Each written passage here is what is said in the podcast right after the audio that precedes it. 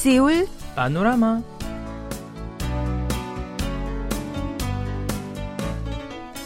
أيها الأصدقاء الأحباء السلام عليكم ورحمة الله وبركاته أهلا وسهلا ومرحبا بكم معنا مستمعينا الكرام في حلقة جديدة من برنامجكم اليومي سيول بانوراما. كيف حالكم اليوم؟ نتمنى أن تكونوا في أتم الصحة والعافية أينما كنتم. نعم. يصادف اليوم يوم جزيرة دوكتو في كوريا وبهذه المناسبة الخاصة قام المعهد الوطني لمصايد الأسماك معرضا خاصا للأحياء البحرية في الجزيرة. كما قام فعالية خاصة لتجربة البيئة البحرية بالواقع الافتراضي في مركز دوكتو لدراسة المصائد الأسماك. يذكر أن المجموعة المدنية حارس دوكتو خصصت هذا اليوم كيوم لجزيرة دوكتو لأول مرة في عام 2000 احتفالا بتحديد الملك الكوري كوجونغ. هذه الجزيرة كتابعة لجزيرة أولونغ الكورية في مثل هذا اليوم في عام 1900 وكشف مركز توكتو عن مختلف أنواع الصور الجميلة التي تصور المناظر الطبيعية للبحار المحيطة بالجزيرة طوال أيام السنة إلى جانب مختلف صور الحياة للأحياء البحرية التي لا نراها في الأوقات العادية. وعلاوة على ذلك قام المركز باستعراض حوالي 30 ملصق تشرح خصائص مختلف أنواع الأحياء البحرية هناك و28 عينة محشوة منها أيضا كما نظم المركز فعالية تجربة التضاريس والأحياء البحرية من خلال واقع الافتراضي من خلال اختيار ستة أماكن متميزة بتنوع الأحياء البحرية من النظام البيئي المائي في دوكتو. وأهدى المركز ملصقات تصور مختلف الأسماك المقيمة في بحر دوكتو إلى جميع زوار المعرض بالمجان. جميل. وقبل أن نتعرف على المزيد من الأخبار الكورية الجديدة والخفيفة هيا نستمع إلى هذه الأغنية الكورية بعنوان آفاق الحديث والتي تغنيها الفنانة يونها.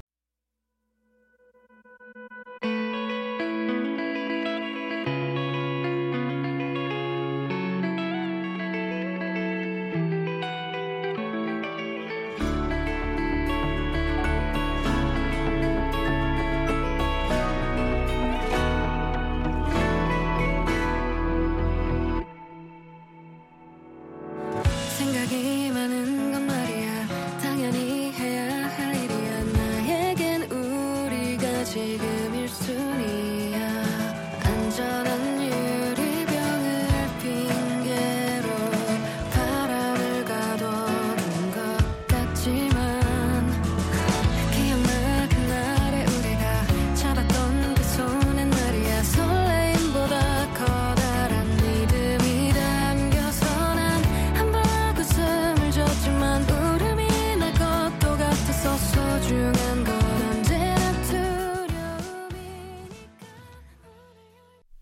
اتضح أن حوالي 12400 من طيور الكركي زارت شبه الجزيرة الكورية خلال عامي 2021 و 2022 ومنها حوالي 8400 طائر قضت في الشتاء في المنطقة منزوعة السلاح بالبلاد. كما اتضح أن عدد الطيور الكركي الذي قضت الشتاء في المنطقة ظل عددها يتزايد بشكل مستمر حسب معيار شهر يناير من حوالي 7000 في عام 2000 إلى حوالي 7900 في عام 2021 وإلى حوالي 8400 في عام 2022 نعم نجاة ذلك في نتيجة بحث أجرته جماعة المواطنين للحياة والسلام في المنطقة منزوعة السلاح والمكونة من عدد من نشطاء الجماعات البيئية الذين كانوا يراقبون هذا النوع من الطيور لفترة طويلة في مختلف مناطق البلاد. وفقا لنتيجة البحث زار خمسة أنواع من طيور الكركي إلى شبه الجزيرة الكورية خلال عامي 2021 و 2022 وهي طيور الكركي ذو تاج الأحمر وطيور الكركي الأسود وطيور الكركي ذات العنق الأسود وطيور الكركي الكندية. ومنها حوالي 60% من طيور الكركي ذات تاج الأحمر. يعني حسب المناطق زار 54% منها إلى يعني مدينة تشولوون و25% منها إلى خليج سونشون و9% منها إلى مدينة يونشون و6% إلى يعني خزان جونام ونهر إمجين في مدينة باجو. أشار هؤلاء النشطاء إلى أنه على الرغم من تزايد عدد الطيور الكركي بشكل عام فإن الأراضي الزراعية تتغير بسرعة إلى بيوت بلاستيكية وحقول جنسين والبساتين والمستودعات ومنشآت الطاقة الشمسية وغيرها حتى تتقلص أماكن إقامة الطيور بشكل مضطرد. وقال كيم سونغ هو مدير المركز إن أماكن تكاثر الكراكي في شمال الصين تنتقل إلى روسيا نتيجة لتغير المناخ والتحضر. ولهذا فمن المتوقع أن يزور مزيد من طيور الكراكي إلى شبه الجزيرة الكورية لقضاء المواسم الشتوية. وطلب من الحكومة الكورية وضع خطة شاملة للحفاظ على جودة مواطنها. والآن هيا نستريح قليلا بالاستماع إلى هذه الأغنية بعنوان أوريدري بلوس. أي موسيقتنا الحزينة وهي بصوت الفنان إم يونغ أون 잊지는 말아요 함께 했던 날들 눈물이 날 때면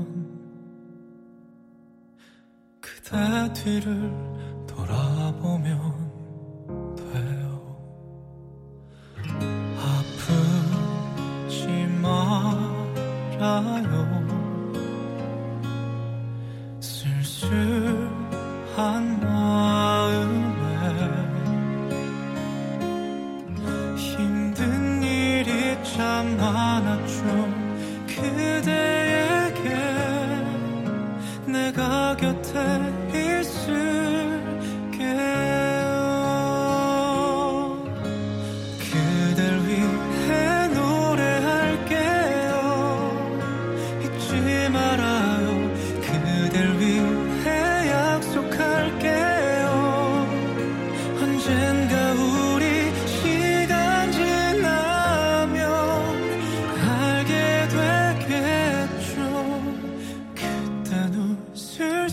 있죠 나 약속할게요 그땐 미소 짓겠죠 هذه الأيام يتحول لون أوراق الأشجار إلى لونين الأحمر والأصفر مما يخلق منظرا طبيعيا جميلا وسحرا هنا وهناك ولهذا يحب الكثير من الكوريين تسلق الجبال من أجل الاستمتاع بهذه المناظر الطبيعية وتبين أن جبل بوكهان في منطقة العاصمة الكبيرة وجبل سوراكسان في الشرق من كوريا كأكثر الجبال شعبية بين الشباب الكوريين كما اختاروا أصدقاء كأفضل الرفاق في تسلق الجبال. جرت منصة بليب المتخصصة في الحوايات وأوقات الفراغ مسحا إلى 650 كوريا رجالا ونساء في فئتي العشرينيات من الأعمار. خلال الفترة ما بين الثامن والحادي عشر من هذا الشهر. وذلك للتعرف على تفضيلاتهم في تسلق الجبال للتمتع بمشاهدة أوراق الأشجار الملونة لعام 2022 واختار 25% منهم جبل بوكان كأفضل الجبال في منطقة العاصمة كما اختار 14% منهم جبل أتسا و12% منهم جبل كوانات وفي غير منطقة العاصمة اختار 23% منهم جبل سراك و15% جبل نيجان و11% جبل حلا. أول مرة أسمع بجبل نيجان. نيجان آه ولكن هذا الجبل مشهور منذ القدم بأوراق الأشجار الملونة. هو يعني في الجنوب أو في الجنوب. في الجنوب. إن شاء الله سأزوره قريبا. آه تفضل. يعني أنا أعرف معظم الجبال التي ذكرت ولكن هو الجبل الوحيد الذي يعني لا أعرفه. آه ولكن هذا الجبل جميل جدا. إن شاء الله سأزوره. بتسلقه أوه إن شاء الله. نعم وحول أفضل الرفاق في تسلق الجبال اختار 30% منهم أصدقاء ثم اختار 27% منهم أحباء أو حبيبات. كما تبين أن واحدا من بين كل خمسة أشخاص من الشباب الكوريين يستمتعون بتسلق الجبال بمفردهم مما يؤكد على خصائص الشباب المعاصرين الذين يستمتعون بطقوسهم الخاصة. كما اختار 15% منهم أسرهم ثم اختار 8% منهم متخصصين في تسلق الجبال. وحول أغراض تسلق الجبال أجاب 72% منهم برغبة في مشاهدة المناظر الطبيعية الرائعة ثم أجاب 48% بالتغلب على الضغوط النفسية الحياة اليومية. ولأنهم جيل يحب مواقع التواصل الاجتماعي أجاب 27% منهم بالرغبة في تصوير أفضل الصور الفوتوغرافية في حياتهم كما أجاب 24% منهم بتعزيز الصحة من خلال الرياضة.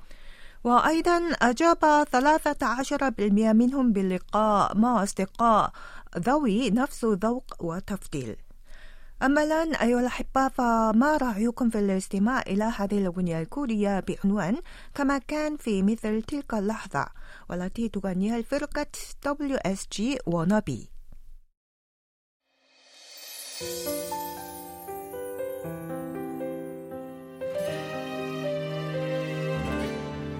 잘 지냈지? 조금은 어색해. 요즘 좋아 보여? 인사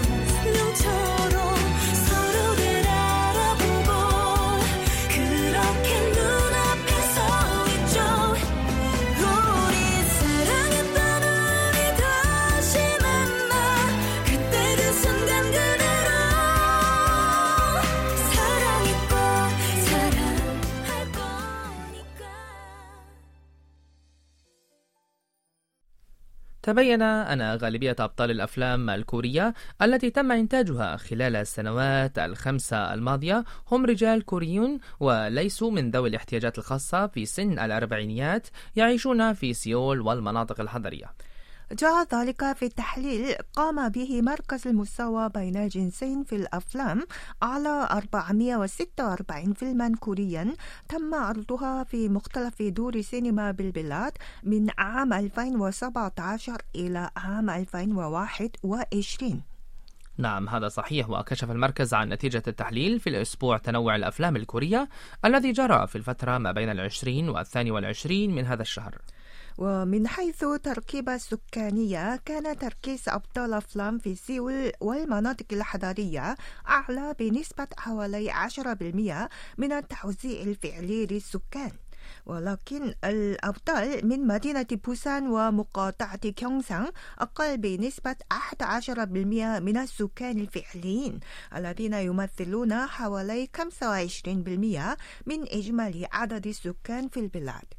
نعم يعني كان جنس الشخصيات الرئيسية في الأفلام الكورية 61.6% من الذكور و 38.4% من الإناث رغم ما يقرب من نصف الذكور ونصف الإناث من عدد السكان الفعلي إلا أن نسبة البطلات كانت أقل ب 11.7% مع توسيع السكان الفعلي. وعلى الرغم من الاتجاه الحديث لتنويع الشخصيات النسائية وتوزيع السرد الأنثوي إلا أنها لا يزال غير كافية. ومن حيث الأمور كان التباين بين توزيع الشخصيات في الواقع والفيلم كبيرا جدا بحيث تراوح أعمار معظم أبطال الفيلم ما بين 40 و 49 عاما ليمثلوا 25% ولكن تبلغ النسبة الفعلية للسكان في هذه الفئة العمرية 16% فقط. نعم وارتفعت أعمار أبطال الأفلام الكورية مقارنة بما كان عليه من قبل نظرا لكون كوريا مجتمع للشيخوخة ولكن كانت هناك فجوة كبيرة مع الواقع. وبالفعل بلغت نسبة كبار السن الذين تتجاوز أعمارهم 60 عام 26% من إجمالي عدد السكان. إلا أن نسبة الأفلام التي لعبت في هذه الفئة العمرية بطولتها لم تبلغ سوى 11% فقط. مما يشير إلى ضرورة إنتاج المزيد من الأفلام التي يظهر فيها الأبطال الذين يتمكن المشاهدون كبار السن من التعاطف معهم. كانت نسبة الأفلام التي ظهر فيها المهاجرون 4% لتشبه نسبتهم الفعلية التي بلغت 3% بينما كانت نسبة الأفلام التي ظهر فيها المعق... ذوي الاحتياجات الخاص 9% لتكون أعلى من نسبتهم الفعلية التي بلغت 5% نعم وأكد المركز أن زيادة التنوع والشمولية في الأعمال الإبداعية ستؤدي إلى اكتشاف مزيد من المشاهدين وضمان الحق في التمتع بثقافة الفيديوهات.